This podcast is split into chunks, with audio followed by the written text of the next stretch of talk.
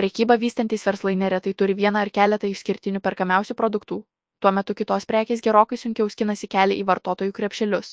Kaip išlaikyti prekių populiarumą bei kaip žinoti, kada laikas atsisakyti mažai dėmesio sulaukiančio produkto, atsako kosmetikos ir maisto papildų parduotuvės nevtruši kurėja Karolina Barasnevičiūtė.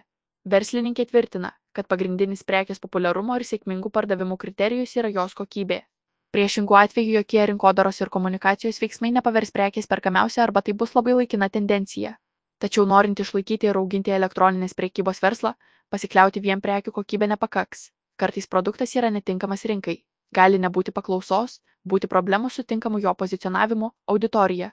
Tokios problemos gali kilti ir iš pardavėjo pusės galbūt nepakankamai aiškiai pabrėžėme jo privalumus, pasiekėme netinkamą klientų grupę arba nevystėme pakankamai efektyvios komunikacijos. Yra daugybė veiksnių, kurie gali paveikti produkto sėkmę, sako verslininkė. Nevalia prarasti budrumo. Kabaras Nevičiūtė pastebi, kad pasitaiko situacijų, kai verslininkai nustoja investuoti į jau sėkmingą produktą, apleidžia į jį nukreiptus rinkodaros veiksmus ir pasikliauja įgytų populiarumu. Visi verslai kovoja dėl dėmesio ir konkurencija su laiku tik didėja, todėl turint gerai parduodamą prekę, verta išnaudoti pagreitį ir fokusuotis ties ją, daugiau investuoti, reklamuoti. Svarbu suprasti, kad nutraukus komunikaciją prekės pardavimai tęsis, tačiau ilgainiui dėmesys nuo jos gali nukrypti, todėl būtina nuolat ieškoti būdų palaikyti ryšį su klientu. Teigia ji, pasak Kabaras Nevičiūtės, geriau turėti nedaug, bet aukštos kokybės produktų, kurie puikiai parduodami, nei didelį pasirinkimą, bet mažai pelno generuojančių prekių. Gausiai perkami produktai turi būti aiškiai matomi pagrindinėme internetinėme puslapyje taip pat. Būtina aktyvi komunikacija socialiniuose tinkluose.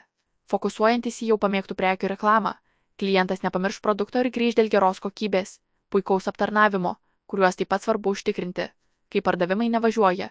Turint produktą, kurio pardavimai ženkliai mažesni nei kitų, svarbu priimti sprendimą dėl tolesnių veiksmų. Pirma, siūlau savo užduoti klausimą. Ar tikrai tikiu šiuo produktu? Jei atsakymas teigiamas, tada verta svarstyti galimybės didesniai investicijai. Gali būti, kad trūksta tinkamo produkto pristatymo, reklamos ar komunikacijos strategijos. Vis dėlto, jei po visų pakeitimų praėję mėnesiai neparodė teigiamų pokyčių, tada susidurėme su tiesa. Rinka nereaguoja, pasakoja Kabaras Nevičiūtė. Nevtrušui kurieja pabrėžia, kad svarstant, ar verta išlaikyti klientų dėmesio nesulaukiančius produktus, reikia įvertinti ne tik negaunamų pajamų dydį, bet ir kiek kainuoja prekės išlaikymas.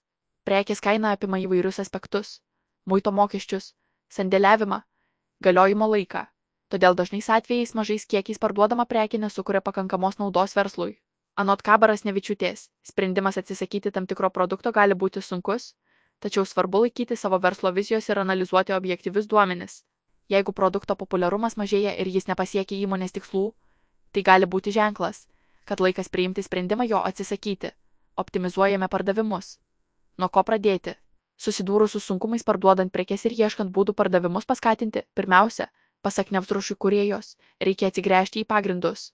Atsižvelgdama į savo daugiametę patirtį, Kabaras Nevičiūtė teigia, kad bet kuriame versle labai svarbu nustatyti aiškius tikslus. Norint tinkamai įsivertinti ir suvokti, kas yra gerai, o kas blogai, reikia turėti atspirties tašką, išsikėlus konkrečius lūkesčius. Kiekvieną tų produktų siekime parduoti per tam tikrą laikotarpį, kokia yra mūsų planuojama apyvarta. Galima lengviau analizuoti ir identifikuoti esamas problemas, komentuoja Kabaras Nevičiūtė. Pasak jos, jei turime aišku tikslą ir esame susidėlioję veiksmus, kurie padėtų jo siekti, patyrus sėkmę tampa nesunku išanalizuoti ir suprasti, kas padėjo labiausiai. Ir atvirkščiai, jei prekiai nepavyksta sklandžiai įsilieti į rinką, peržvelgus savo įvykdytus veiksmus galima įvertinti, kokie sprendimai nepasiteisino ir kokių pokyčių galima įnešti. Kartais baisu žiūrėti nesėkmį į akis, tačiau greitai reaguoti, mokytis iš nesėkmės ir nebijoti keisti krypties siekiant gerų rezultatų yra labai svarbu, sako Kabaras Nevičiūtė.